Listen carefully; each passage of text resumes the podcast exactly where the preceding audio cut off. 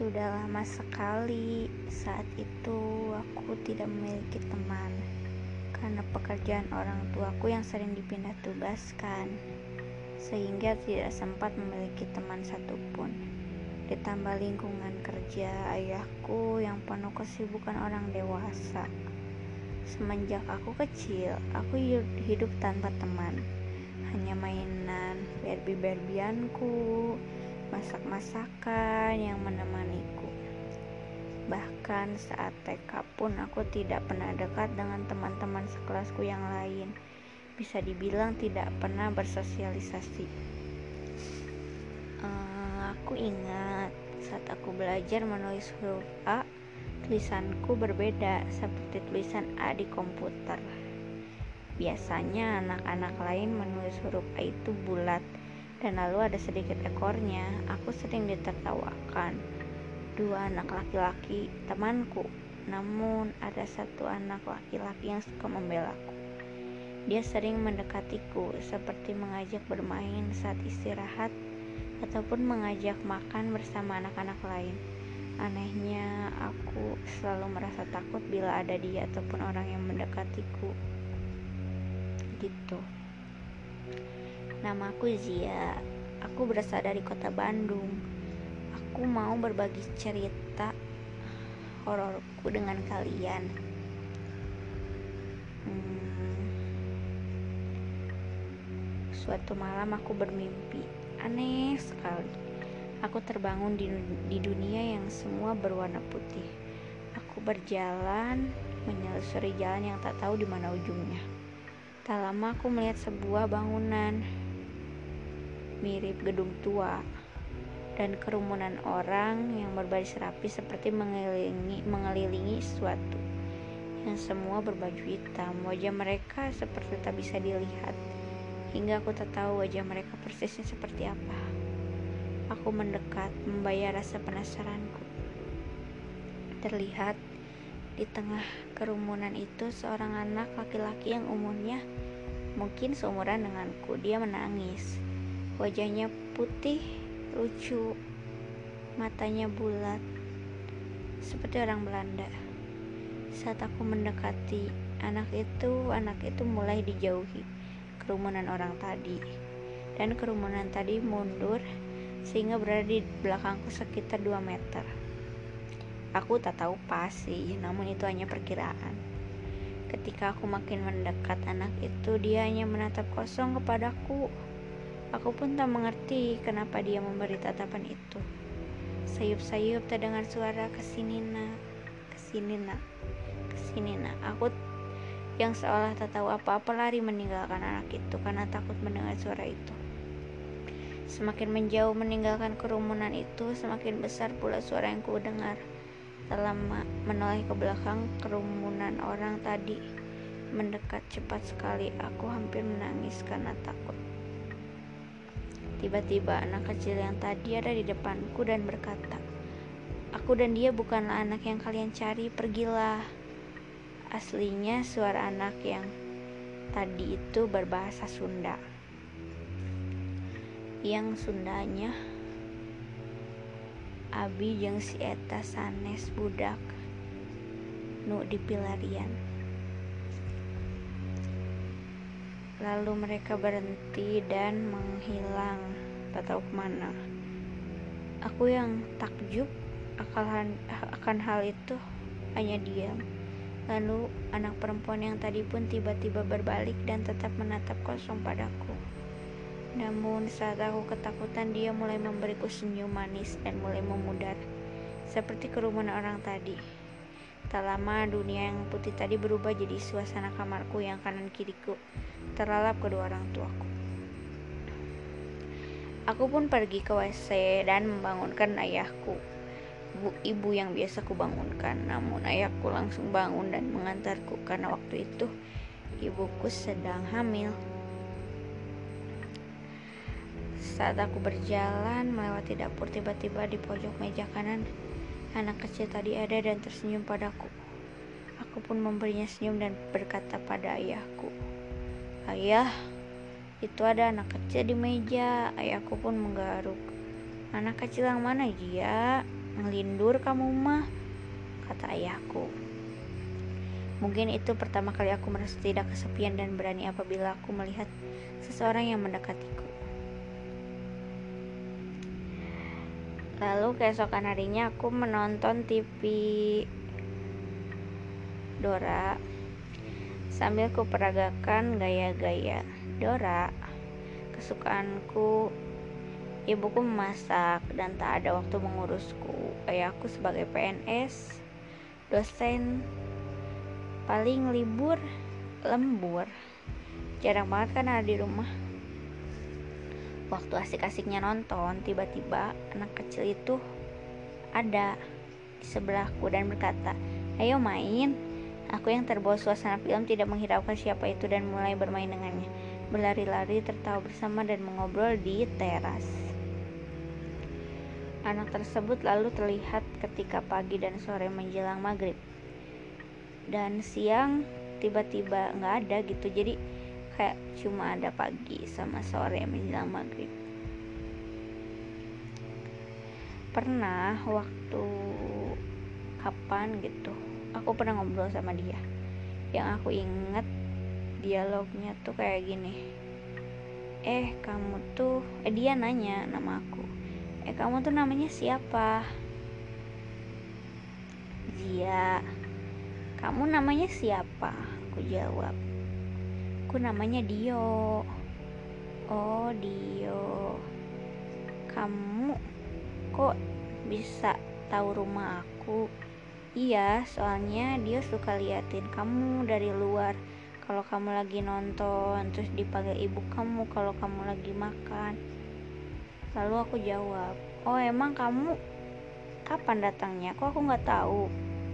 Terus dia jawab, dia udah lama di sini. Dulu dia jatuh tuh di pohon itu. Terus tahu-tahu dia sambil menunjuk ke pohon dekat rumahku. Terus tahu-tahu ada di dekat rumah kamu. Oh, rumah kamu di mana? Aku boleh main ke rumah kamu nggak? Aku jawab gitu. Namanya anak kecil polos lah ya terus dia jawab gak boleh main ke rumah Dio di rumah Dio banyak monster kayak di Power Ranger nanti diculik loh terus aku jawab ah gak takut kan Power Ranger kan aku juga suka Power Ranger Hei, pokoknya dia gak boleh datang ke rumah Dio. Iya deh, tapi besok main lagi ya, jawabku. Iya, nanti Dio nyamper ke rumah Jia. Sekarang pulang ya, terus mau tidur dadah selesailah percakapan kita entah kenapa saat itu aku merasa bahwa aku sudah dekat sekali dengannya nyaman dan merasa memiliki teman yang baik. Kadang pembicaraan kami pun seperti nyambung ke arah yang mungkin tidak tahu apa artinya. Kayak aku lupa-lupa inget sih tapi aku ingatlah dikit. Dio pernah bilang ke aku, dia nanti malam jangan jalan-jalan di rawa itu ya. Emangnya kenapa gitu? Jawab aku. Di situ ada monster Power Ranger yang mau nyulik dia. Wah, monsternya serem gak? Jawab aku. Iya serem, taringnya panjang, matanya merah, badannya tinggi kayak di Power Ranger. Wah iya, dia nggak bakal main ke rawa-rawa takut diculik. Meskipun rawa-rawa itu gak ada, tapi aku menganggapnya ada. Ketika malam selanjutnya, aku mimpi bahwa aku berjalan di hutan. Di sana berdiri sebuah rumah tua dan rawa-rawa. Aku melihat di rumah itu terlihat sosok kakek yang sedang duduk di kursi goyang. Mukanya terlihat dingin dan galak. Sedangkan di rawa-rawa aku melihat ada semacam karnaval apa daya seorang anak kecil yang diberi pilihan antara dunianya dan mimpi buruknya aku memilih masuk ke rawa-rawa itu dan memilih memilih mengikuti gemerlap cahaya warna-warni yang penuh keramaian. Saat aku memasuki rawa-rawa tersebut, aku disambut oleh kakek tua yang berada berbeda dengan sebelumnya. Ia nampak ramah, baik dan penyayang. Dia mempersilahkan masuk. Namun ketika aku hendak masuk, aneh. Ada Dio di sana. Tiba-tiba dia memarahiku. Udah Dio bilang kan, jangan masuk ke rawa-rawa, banyak monsternya tahu. Tanganku pun ditarik olehnya dan kemudian mengajakku menjauh. ketika aku lihat karnaval itu berubah menjadi kerumunan makhluk goib ya kalian tahulah semua makhluk-makhluk kayak di film horor gitu dan aku takut dan berlari kercang dari Dio aku berlari lalu dia menunjukkan rumah yang saat pertama aku datang terduduk seorang kakek tua galak aku pun disuruh masuk ke rumahnya dan tiba-tiba aku menangis sekali karena aku takut makhluk-makhluk tersebut mengikutiku tapi kakek tersebut bersama Dio berkata, "Sudah tidak apa-apa, kami di sini." Mereka pun menjaga di depanku. Tapi karena takut, aku pun menangis jadi-jadinya. Dan tiba-tiba aku bangun. "Jia, kenapa?" kata Bunda, kata ibuku. "Besok beli permen ya, jangan nangis, jangan nangis." Aku pun menangis sambil berkata, "Takut, Bu, takut." Mimpi buruk ya, udah-udah nggak apa-apa. Ibu di sini nggak ke mana-mana katanya. Aku pun kembali tenang dan kembali tidur. Esoknya ketika bangun aku melihat siluet di gorden jendelaku seperti wanita zaman dulu yang diikat rambutnya gitu loh dan aku pun berteriak kembali takut takut ada patung udah Jia. Nggak usah takut. Udah dia usir patungnya. Saat aku melihat gorden siluet itu pun hilang dan aku kembali tenang. Lalu ibuku pun memandikanku dan semua. Dan kemudian aku langsung pergi ke teras di mana aku sering duduk dan berjemur di matahari. Lalu makin lama aku pun terlihat senang, ceria. Tetapi ada yang ganjal di pikiran ayah dan ibuku. Keceriaanku semakin mengundang rasa penasaran ibuku. Bagaimana bisa anak yang sangat pemurung dan pendiam seperti itu bisa menjadi anak yang periang?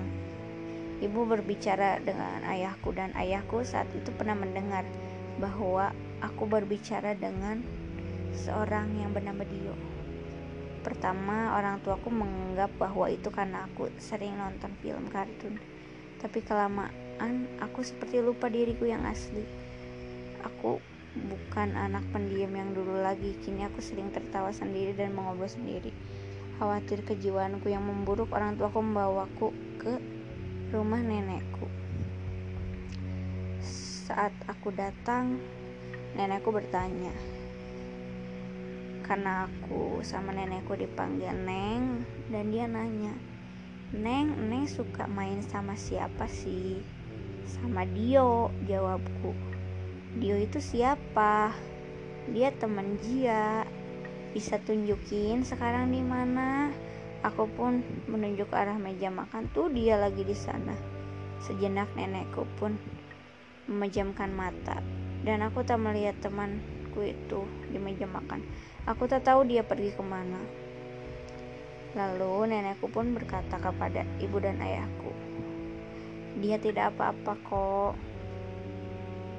Teh karena ibuku adalah anak pertama jadi ibuku dipanggil teh. Teteh yang artinya itu kakak kalau dalam bahasa Sunda. Dia nggak apa-apa kok teh. Dia itu ada yang nemenin. Baik kok malah bisa juga jadi yang ngejagain dia katanya ibuku sedikit menghilangkan kekhawatirannya dan lalu setelah itu kita pulang dan tidur di malam selanjutnya, aku pun bertemu kembali dengan Dio. Dio menyapaku. Ya, kurang lebih seperti inilah. Dia Dio mulai besok mau pindah rumah. Dia jangan nangis terus ya, mulai besok harus cepatnya. Dia pasti dapetin teman yang banyak, mungkin Dio bakal datang lagi nyamper dia sekali-kali. Tapi waktunya lama banget. Jangan nangis lagi ya kata dia. Kok pindah? Nanti dia nggak punya teman. Tenang aja, mulai besok dia bakal dapat permen yang lebih enak lagi. Seperti sekarang dia makan sambil dia membawa permen. Pokoknya dia gak boleh sedih ya kalau dia besok gak nyamper dia lagi.